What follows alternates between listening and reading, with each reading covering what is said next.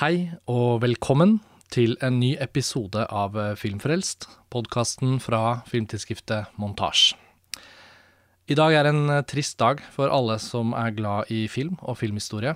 Den fransk-sveitsiske regissøren Jean-Luc Godard, som kanskje ikke trenger noen nærmere introduksjon, gikk bort 91 år gammel i dag. Og det som er et uh, utrolig sammentreff, er at vi i går kveld lagde en episode av Filmfrelst om Godards film 'En kvinne er en kvinne', uh, Une femme et une femme. Og med oss som gjest i episoden vi lagde i går, hadde vi Mats Otsen.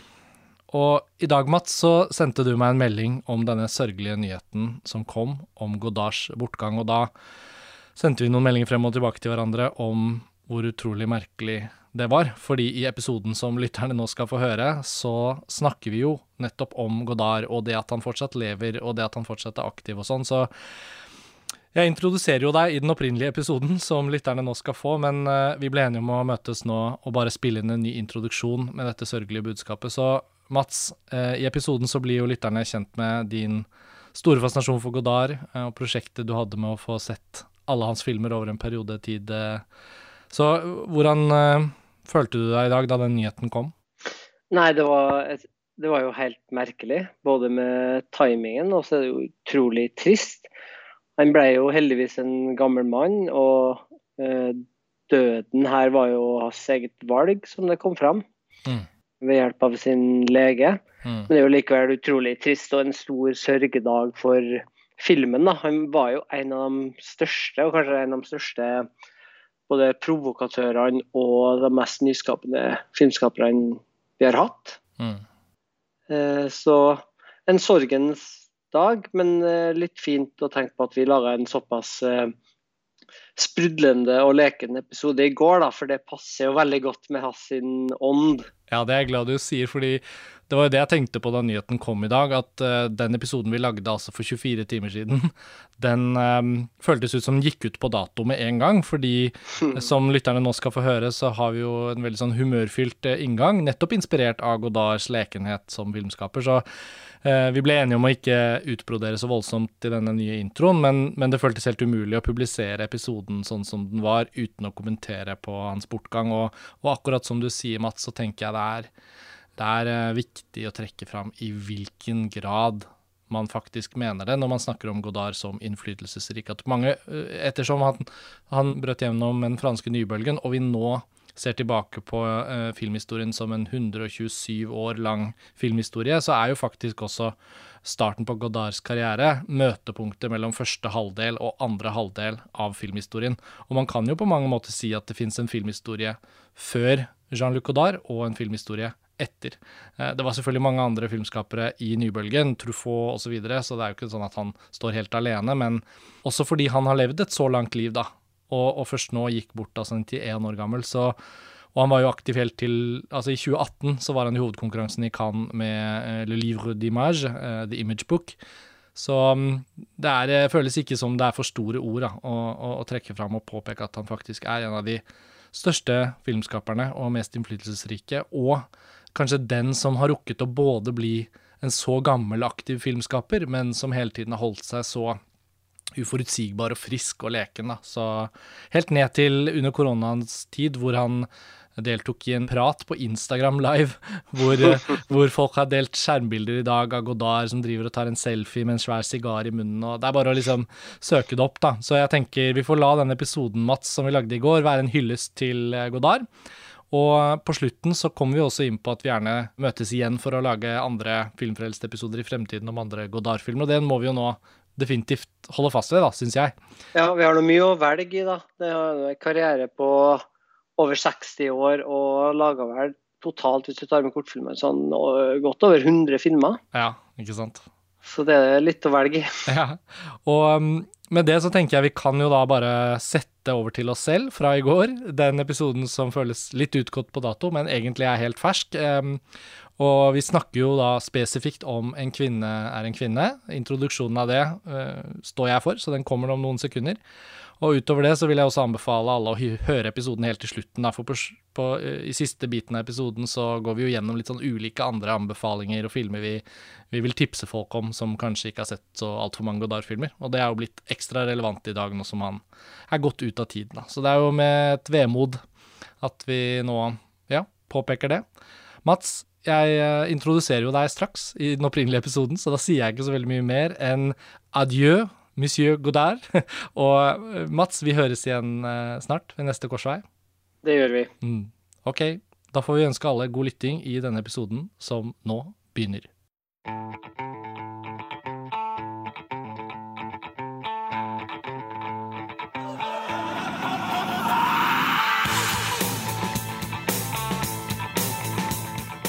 Hei og velkommen til en ny episode av Filmfrelst, podkasten fra filmtidsskriftet montasj.no.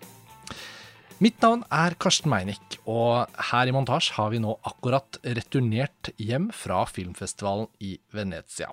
Og denne høsten hjemme i Norge, den bringer en hel meny av ulike kinoaktuelle titler, men også cinematekaktuelle filmer fra filmhistorien som brettes ut i de ulike byene rundt omkring i Norge som har et cinematek. Og denne uken så bringes Jean-Luc Godards Unfam et unfam fra 1961 ut til de ulike cinematekene. Og i Venezia så møtte jeg min gode gamle montasjekollega Mats Otsen, og da kom vi inn på at han er jo en stor Godard-fan, og da måtte jeg jo nevne at han må komme tilbake på podkasten her for å snakke med meg om Unfam et Unfam, som var en av de Godard-filmene jeg selv ikke har sett, så jeg så den i går kveld.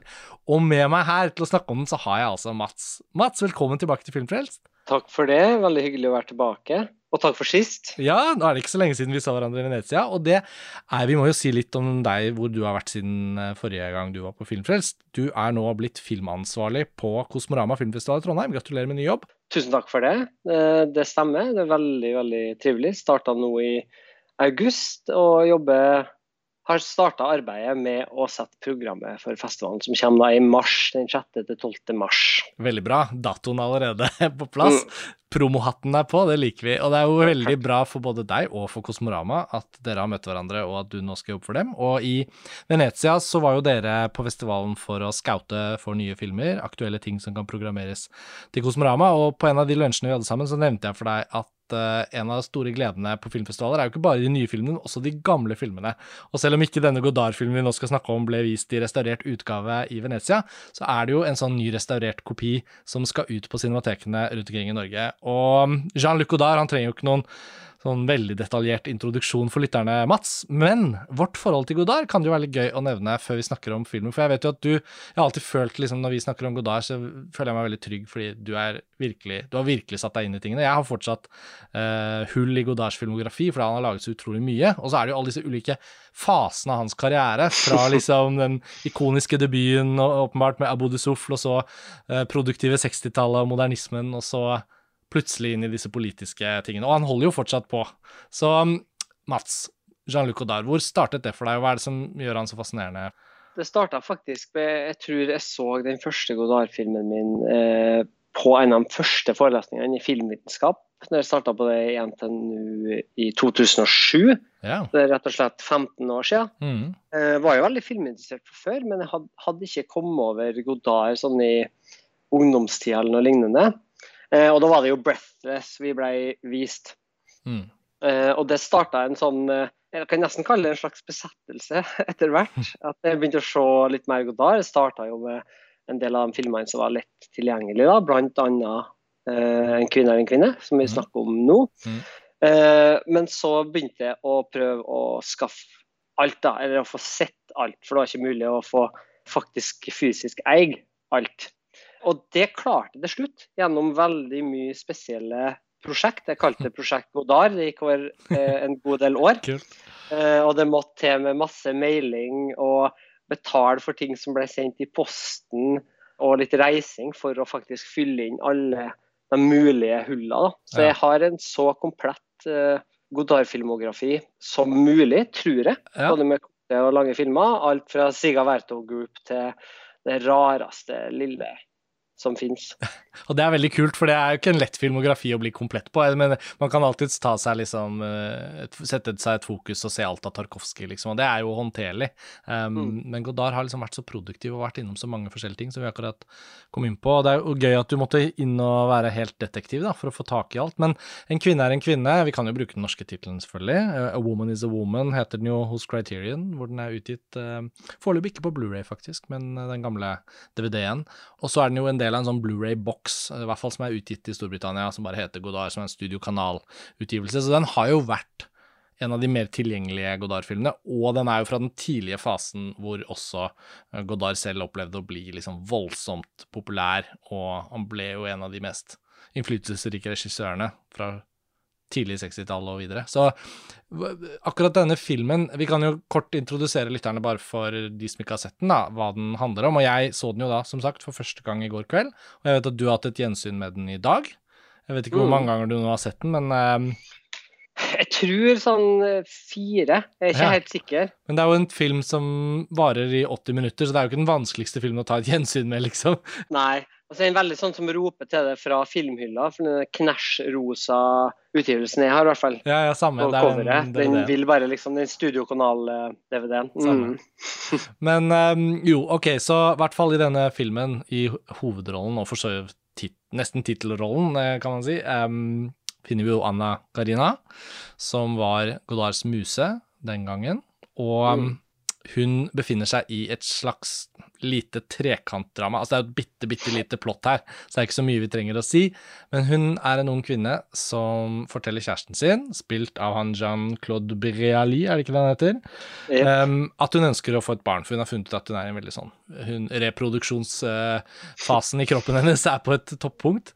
Verpeklar. Ja, verpeklar. Mm. Og um, nei, han syns ikke det høres ut som en god idé. Han uh, er dessuten Hva er det han sier der på et tidspunkt? At han har ikke lyst til å slite seg ut med å ha sex, for han skal gjøre Hva er det han skal gjøre? Han skal Skal han ikke spille tennis? Jo, nei, det, hva det han skal? han skal Det er et eller annet veldig morsomt, i hvert fall. Det er jo en komedie, dette. Og, ja. um, og han uh, har en bestevenn, da spilt av Jean-Paul Belmondo, som da selvfølgelig akkurat har blitt superstjerne pga. Abu de Souffle og, og sånt, og alle de andre filmene han spilte i da. Og da bestemmer hun seg for å gå til han bestekameraten. Da blir det litt sånn trekantdrama. Men fordi filmen er så selvbevisst, og den har jo så mange winks til oss i publikum, så føles det jo ikke som en spesielt sånn Altså, realismen i plottet og rollefigurene dem imellom er på en måte helt tilsidesatt til fordel for liksom Godards egen lek med, og for så vidt dyrking av Anna Karina som skuespiller, da, og som hans da store kjærlighet på det tidspunktet. Jeg vet ikke, Syns du man burde si noe mer om filmen? Jeg føler Det er ikke så veldig mye mer man kan liksom beskrive den som, utover å bare fortelle til lytterne at resten må dere bare gå og se. Nei, jeg er helt enig. Det er jo rett og slett bare et trekantdrama der. Hun heter Angela, så sammen mm. med en som heter Emil. Og han vil ikke ha barn, så hun begynner et slags forhold med hans kamerat eh, Alfred Lubitsch med litt uh, artig ja, altså navnehumor her. Ja. ja. Og bruke det litt som en uh, ja, Kall det en form for emosjonell blackmail, eller hva man kan kalle det. da, I hvert fall en presstaktikk. Blir det morsomme ting ut av det. Ja, og rent filmspråklig, så, og det står jo også i beskrivelsen, så jeg til cinematekene for disse visningene nå i høst, at liksom her har vi en, liksom, en sånn leken musikalkomedie fra Jean-Luc Godard. Og så satt jeg i går kveld etter å ha sett hele filmen her i hjemmekinoen min og tenkte at altså, så mye musikal kan vi kanskje ikke helt si at dette her er. I hvert fall ikke for publikum som tar den beskrivelsen bokstavelig. For dette er jo mest av alt en helt dekonstruert form som spiller på å leke med den typen forventninger. Og da, bare for å ta et eksempel tidlig i filmen, og det er jo et grep han gjør flere ganger underveis, så kan vi plutselig se at rollefiguren oppfører seg som om de er på vei til å bryte ut i sang. Og så er det han Michel Legrand som har laget musikken, som liksom Det dras opp noen voldsomme stryker i kanskje La oss si de rekker to takter. Og så klipper Godard hardt til en annen kamerainnstilling, og da er vi bare inn på Foley-lyden av fottrinnene hennes, og det er helt mm. stille. Og sånn fortsetter han. Så for hver gang man tror det skal liksom gå over i noe musikalsk, så er det jo egentlig ikke det han gjør. Han bare liksom insinuerer med sånne grep at han har full kontroll på filmen, og at ikke vi skal tro at vi skal kunne forvente noe. Og, og ja, det lille plottet vi har beskrevet, er jo også egentlig hele plottet. Så da mm. Filmen fylles jo da egentlig av da Godards liksom lekenhet og innfall og ønsker om å liksom sette Anna Karina i filmbildet og la henne bare være i flyt. Mm. Jeg, jeg kan liksom ikke si det på noen annen måte. Eh, Du har jo sett den flere ganger i meg og hatt årevis på å liksom bare plassere den innad i Godards filmografi. Og så sånn, Syns du jeg er inne på noe her, eller har du sett noe mer i den filmen enn eh, hva jeg gjorde? Nei, du er absolutt det. Det, det er jo hans sin det er Godard sin vri på både en musical og en screwball-komedie, men så er det jo ingen av delene. Og alle skriver jo om den når de omtaler den som at Godard leker med sjanger, leker med konvensjoner. Han gjør jo for så vidt det, men det han først og fremst gjør, er å sin egen stil, da. Der han bare leker med ulike former for å fortelle noe som ikke stemmer med det du skal forvente. Mm. Du snakka jo der om det harde kuttet til noe helt annet. Den, jeg synes Det mest fantastiske eksempelet på det er når det bygges opp til en sånn nesten grandios greie, og så blir det, helt stille, og så er det en montasje av nærbilder av Anna Karina i ulike situasjoner. Mm. Ja, fantastisk. Det er en helt annen stemning og litt mer melankolske ansikt. og Det, det bryter jo helt med ikke bare handlinga på et vis, men med følelsen av filmen. da. Mm. Og det er jo en utrolig fin og sprudlende og liksom eh, lett film på et vis. Men det er hele veien noe sånne, om du kan kalle det mørke undertoner, men i hvert fall noe litt mer sånn melankolsk som ligger i det, da, som en driver og hopper til. Det vil jeg si samtidig. Jeg er enig. Altså, han, han, han den er, ny, den er jo helt sånn nydelig og flytende klippet, bare sånn apropos det. Altså, jeg tenker sånn, jeg har mer problemer med de der lydideene rent sånn, bare fordi det er rent Altså, det er jo ment å være litt eh, sandpapiraktig, men Mm. det er klart, man, blir, må liksom, man må virkelig liksom komme inn i filmen, eh, eventuelt kjennes litt Godard, tenker jeg, for å ha ekstra glede av dette. Hvis man kommer helt blank til denne da, og ikke eh, kanskje vet noe mer enn at man skjønner at man burde sett noe Godard, eller kjenner litt filmhistorie, og så får man muligheten til å se denne filmen. Hvis ikke man er forberedt på hva han holder på med, så tror jeg mange Mm. kan føle at det rykker litt, at det er vanskelig å venne seg til. Men, eh, men for min del, særlig fordi jeg da heldigvis ikke har så voldsomt mange Godard-hull igjen, da. Og denne filmen har jo føltes litt som en sånn Jeg har jo alltid tenkt at den er der, og så har det bare ikke blitt til det. Og det handler kanskje litt om at jeg føler at det er veldig sjelden at den trekkes fram som en av de aller viktigste Godard-filmene å ha sett for noen som har sett lite, eksempel, da.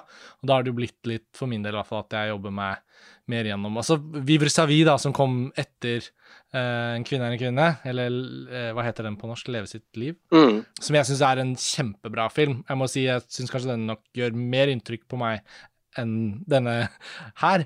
Og det kan handle om at formen kanskje i større grad tjener en faktisk liksom tematikk, da.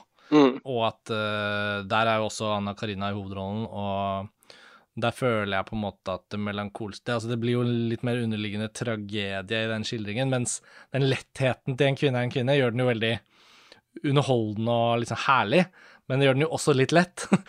Ja. jeg har tenkt litt på det i dag, da, etter å ha sovet på det, at liksom hm, Ja, det var ikke Det var på en måte ikke innmari mye under overflaten her, bortenfor form, da, Nei. som jo, gjorde inntrykk på meg.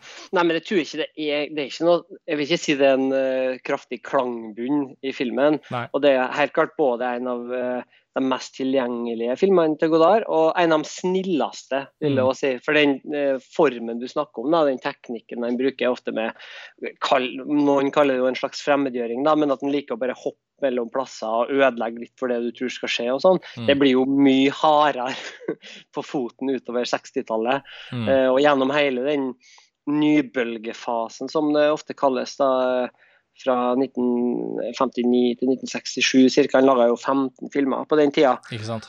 Eh, så blir det jo verre og verre. og Når du begynner å komme til weekend og utover der, så er det jo mye hardere kost for en publikummer. Så jeg tror nok det er veldig mange som kan sette pris på den filmen her fordi den er såpass tilgjengelig, selv om den jo er veldig annerledes enn det du vil tenke om en eh, tradisjonell musical eller romantisk komedie, eller hva du nå vil sjangersette den her som. da. Ja, ja. Også for de som er veldig hardcore, da, og, og, og virkelig elsker eh, den mest radikale siden til Godard, så kan jo i hvert fall har jeg vært i diskusjoner med folk som har sett de nyeste tingene hans, som er liksom helt over i et sånn totalt um, annet landskap, Uh, at de syns liksom at desto lenger Godard drar det, desto mer interessant blir han å følge som filmskaper, på en måte.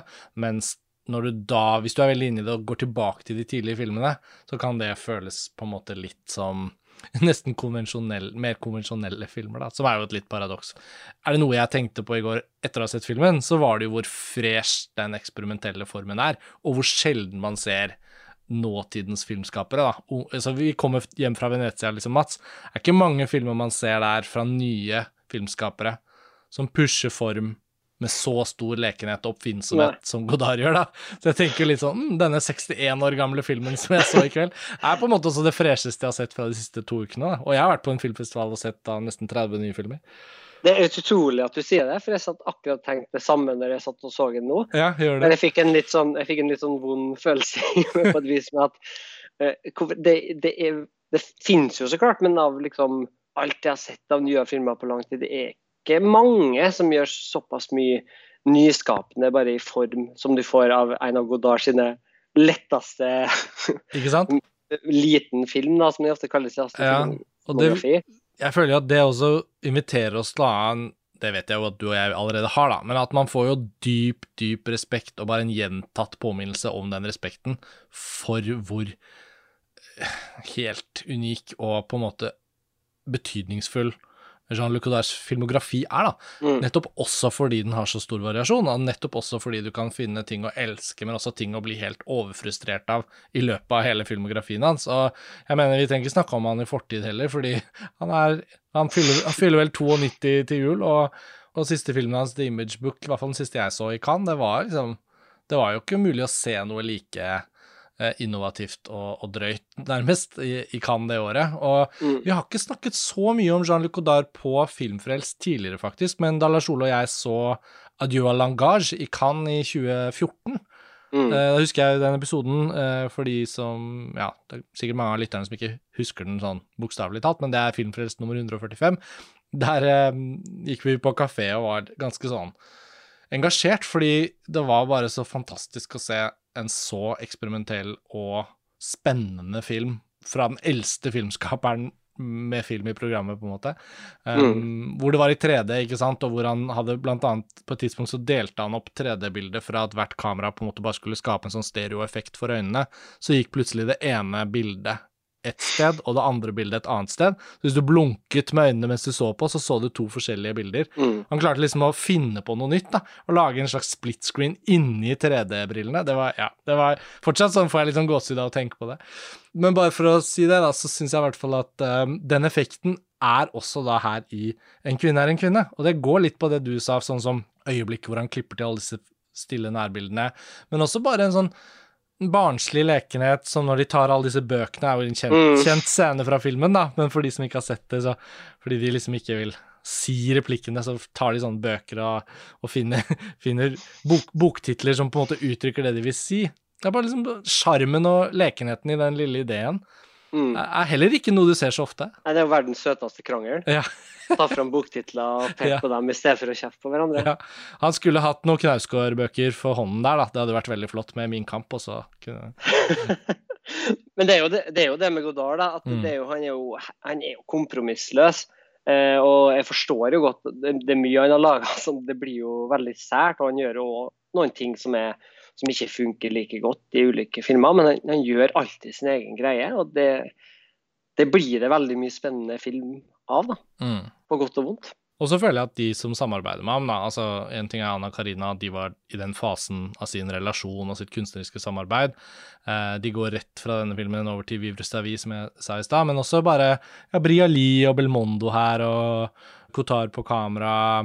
Og så er det jo masse sånne in-jokes til andre filmer. De, de, hun møter jo på um, Jean Moreau. ja, Jean Moreau, det er fantastisk. Den var jeg ikke klar over. Jeg, jeg valgte liksom ikke researche filmen for mye før jeg så den. Mm. Og så uh, i dag så har jeg tatt ut eh, Richard Brodys fantastiske Godard-bok fra hylla, som er sånn kapittelinndelt etter film, da.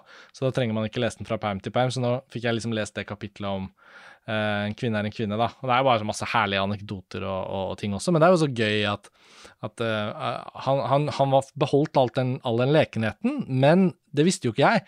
På denne produksjonen så gikk han jo vesentlig opp i budsjett og fikk mye tyngre utstyr. Det var den første fargefilmen hans. Så egentlig, og han har jo sagt det, ser jeg, at uh, det var litt den første ordentlige filmen han lagde, på en måte. Mm. Um, så det er jo litt sånn flott det òg, da, å tenke på at for Godard, som fortsatt var en ung filmskaper, så sto han på denne produksjonen med utstyr og teknikk og, og studioopptak og ting som kanskje ikke han egentlig hadde fått vist at han kunne beherske på de første filmene. Men Mm.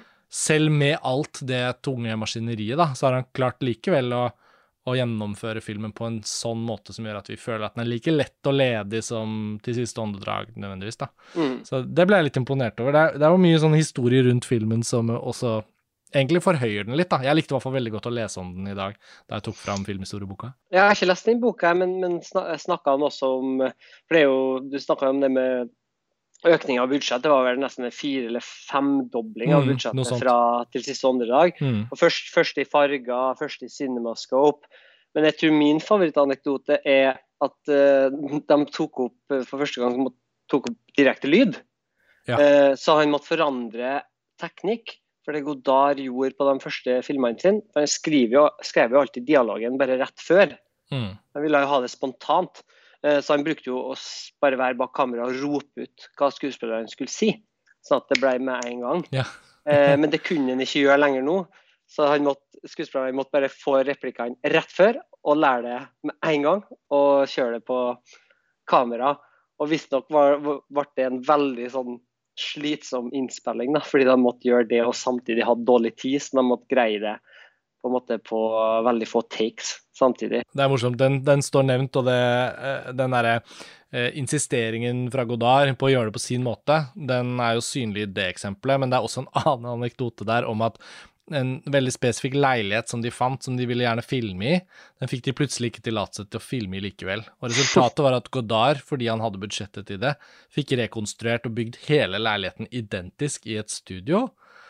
Eh, og da ble jo Fordi crew og sånn hadde jo da Det var jo større crew, og det var liksom større krav, og da Alle de som jobbet bak kamera og sånn, var jo veldig glad for det, for da får du jo mulighet til å filme fra hvor som helst, du kan flytte på vegger, du kan gjøre alt.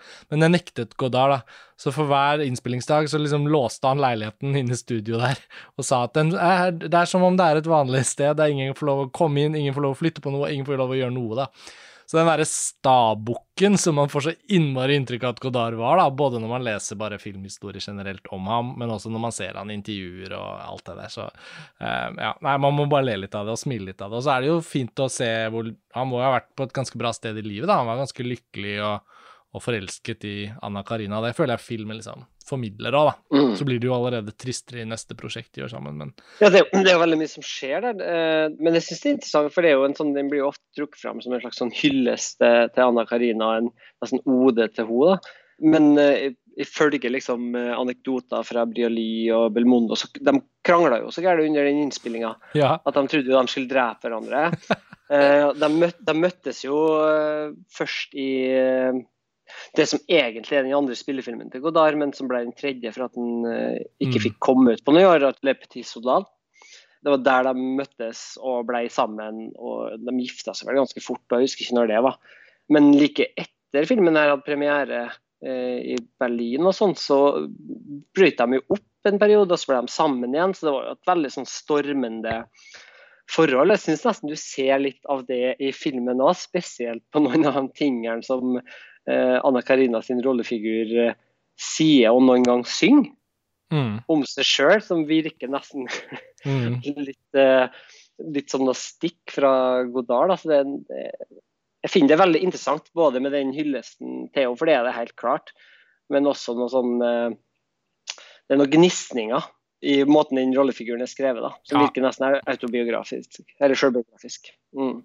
Jeg er enig, og så syns jeg også hun er så sterk i bildet, ikke sant, så man føler jo på ingen måte at filmen Uh, Altså Godard som en maktperson bak kamera, kamera som liksom objektifiserer henne og sånn. Jeg føler liksom det, alt det skyves til side av hennes utrolig sterke nærvær, da, og hele hennes gestalt som en person i Altså alle filmene hun gjør med Godard, men også liksom videre utover i hennes karriere, så syns jeg bare at hun har en sånn helt sånn spesiell fremtoning som jeg føler i mye større grad er hennes egenart som filmkunstner.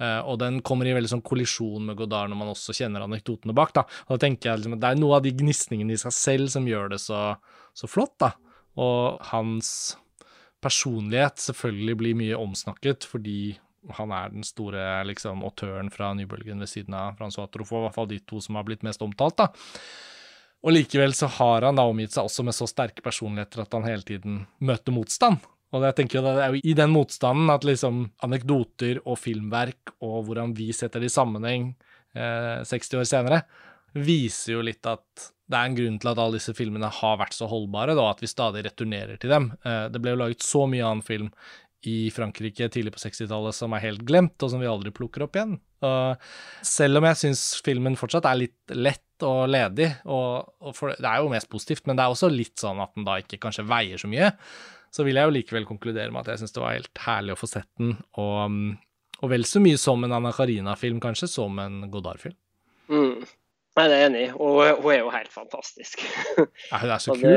ja, ja. I nesten alle filmer. Jeg bare, så henne igjen nå, så begynte jeg å bare tenke på Vivre Savi og Made in USA og Alphaville. Og bare, det er Mm, så og mye. Alphaville. Ja. Det er en av de Godard-filmene jeg så tidligst, faktisk. Ja. Nesten like etter at jeg så Til siste åndedrag og ehm, Bandapart, kanskje? Ja, det var det. Sant? Hva het den igjen på fransk? Bandapart? Uh, The Outsiders. The Outsiders. Der er jo utrolig fine. Men den tredje var faktisk Alfavil, for jeg husker det var en sånn der, Ikke sant, sånn som du sa, da, en sånn raptus hvor man Ok, nå har jeg endelig kommet i gang med seriøs filmhistorie, for nå ser jeg franske nybølgefilmer. den derre selvbevisste, litt pretensiøse filmnerden som, som brancher ut fra å se Tarantino-filmer til å se filmene Tarantino snakket om at han hadde sett. Um, Nei, så det var bare så herlig med, med hvordan hun stadig til stadighet dukket opp i disse Godard-filmene, særlig da. Det er jo bare noen år siden hun døde, faktisk, Anna Karina, i 2019. Mm. Godard, som sagt, lever fortsatt, holder ut. Jeg vet ikke hvor mange flere filmer vi får fra han, men han har jo overrasket og, og kommet med nye ting jevnlig gjennom 2010-tallet. Det har vært veldig morsomt hvis han har kommet med et, et siste åndedrag, for å si det sånn. Ja, å. Det er jo alltid, alltid spennende når det, når det kommer. Da. Jeg føler likevel Han, han er jo en annen filmskaper nå enn han var tidlig på 60-tallet, naturlig nok. Mm. Men, men jeg føler den lekenheten finnes i ulike former fortsatt i nyeste han gjør. da. Eh, kanskje ikke i den formen som her, som at hele filmen var bare egentlig et ordspill, på en måte. Det, det, det er ikke alltid du får, men eh, det finnes mange varianter. Ja.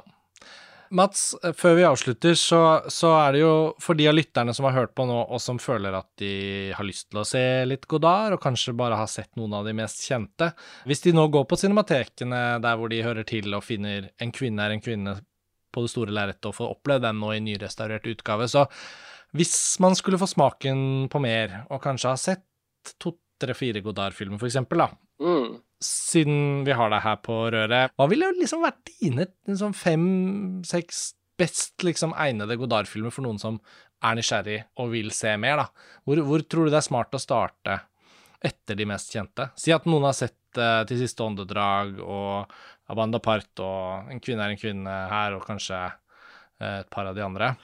Oi, det, det er et godt spørsmål, da. Jeg ville nå starta med stort sett holdt meg til på en måte den eh, 60-tallet.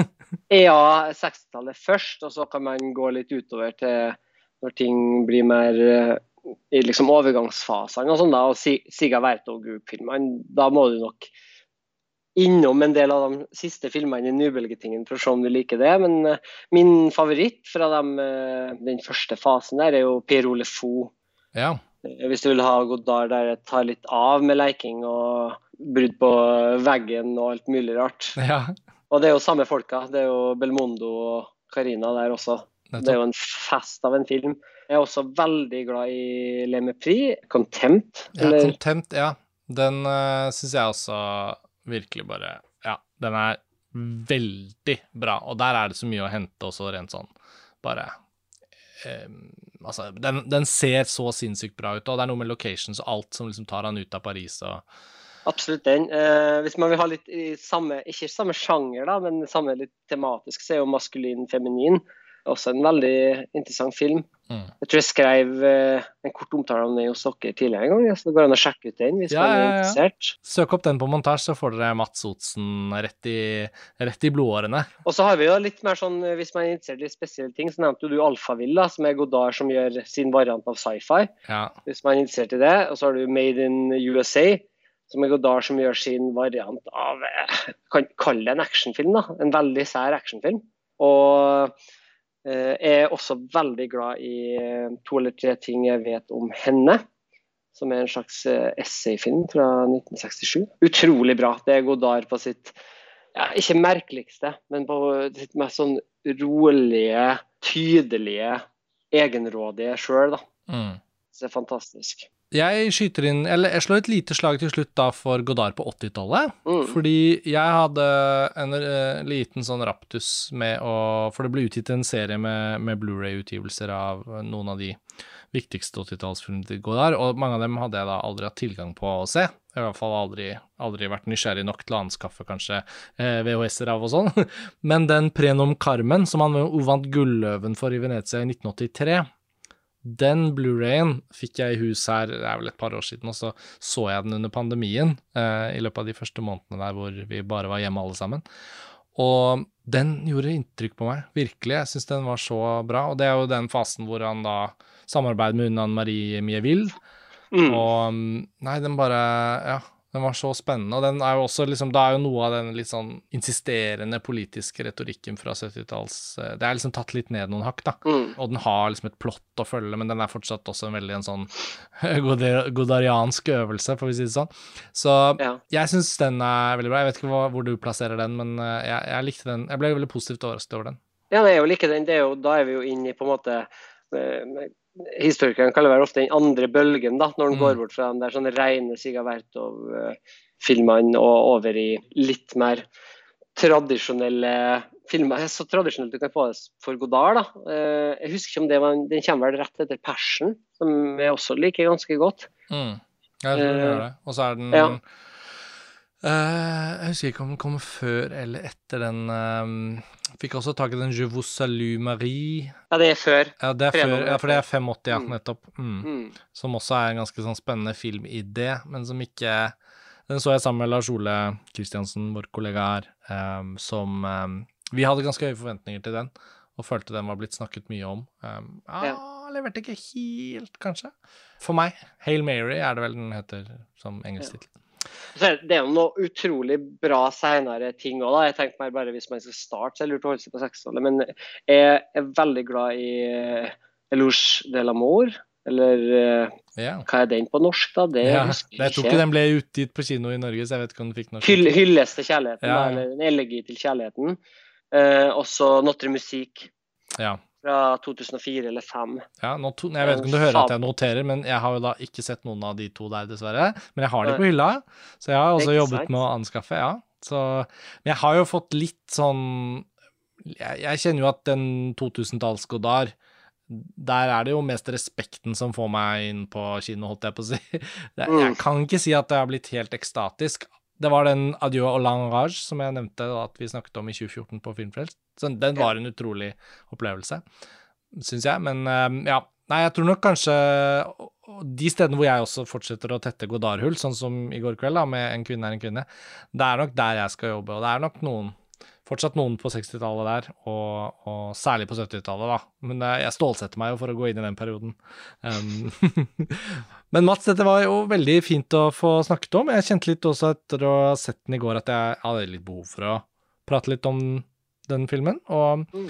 Jean-Luc Godard har ikke fått eh, så mye taletid på Filmfrelst, egentlig, som han sikkert har fortjent. Så det er mulig vi kommer tilbake og tar noen sånne små Godard-episoder innimellom. Fordi det er så fin filmografi å dykke inn i, og så tror jeg veldig mange der ute antageligvis er som meg, da, at de har sett litt kanskje, men fortsatt har, har hull å dekke inn. Så da er det bra å ha sånn som deg, da, ekspert Mats Otsen på, Mm. på linja. Og mm, jeg vet dere kommer til å jobbe mye med planen for neste års Kosmorama, Mats, men det er fortsatt kanskje for tidlig å si noe om hva man kan forvente. Men det er i hvert fall en stor glede for oss som har hatt deg her i montasje utvidede krets i flere år, å vite at du er på ballen for festivalen. Og vi gleder oss til å komme opp til Trondheim eh, på nyåret og se hva dere finner ut av og programmerer. Så jeg håper dere slenger inn noen klassikere også, da, innimellom programmet.